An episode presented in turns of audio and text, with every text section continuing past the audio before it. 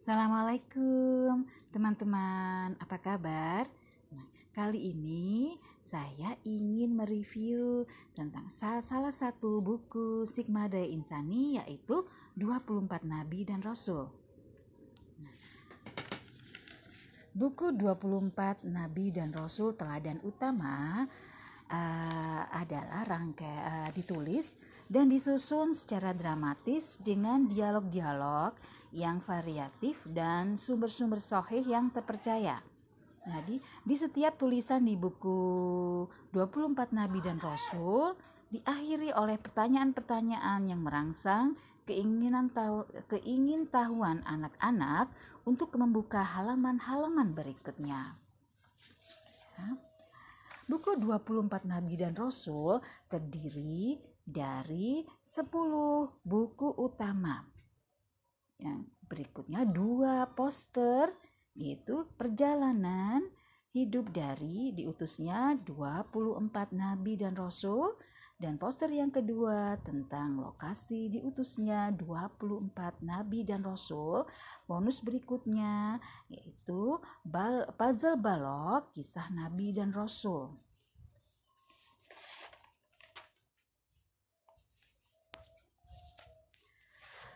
Saya memakai buku berkisah ini adalah uh, uh, untuk menumbuhkan fitrah keimanan serta fitrah bahasa anak-anak kami.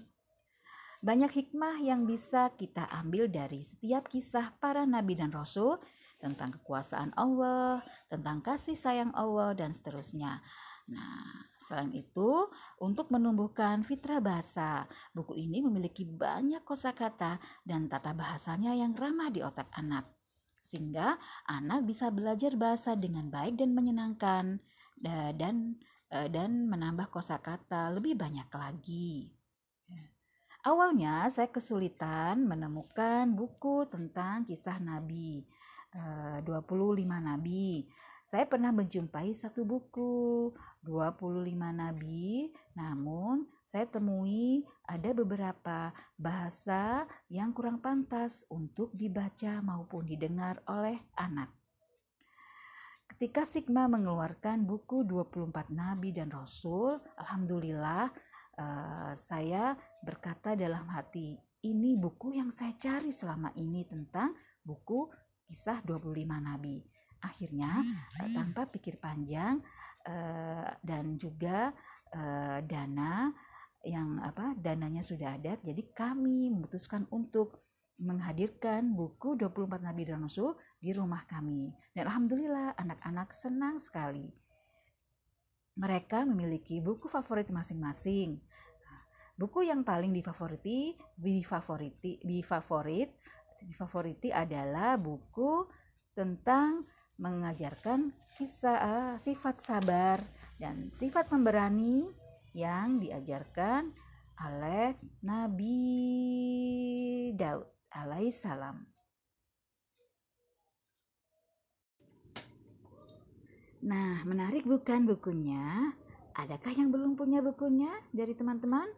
Alhamdulillah, saat ini ada promo SDI teman di rumah diskon 35% loh. Nah, promo ini berlaku sampai dengan 30 Juni 2020. Pelunasannya bisa ditunggu sampai tanggal 2 Juli 2020. Silakan hubungi saya ya di bawah ini. Demikian review buku Sigma yang pertama dari dari saya.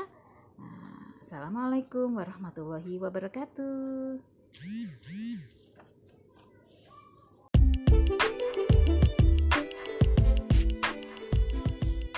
Bismillahirrahmanirrahim.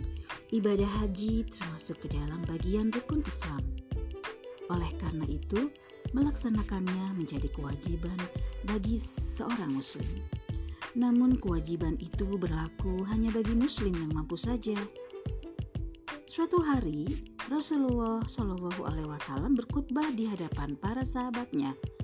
Dalam khutbahnya itu, Rasulullah Shallallahu alaihi wasallam menyuruh untuk menunaikan ibadah haji. Tiba-tiba ada seseorang bertanya kepada beliau, "Ya Rasulullah, apakah harus setiap tahun?" Tanya orang itu di antara kerumunan jamaah. Rasulullah Shallallahu Alaihi Wasallam diam tidak menjawabnya. Bres merasa pertanyaannya belum juga dijawab. Orang yang bertanya itu kembali mengajukan pertanyaannya.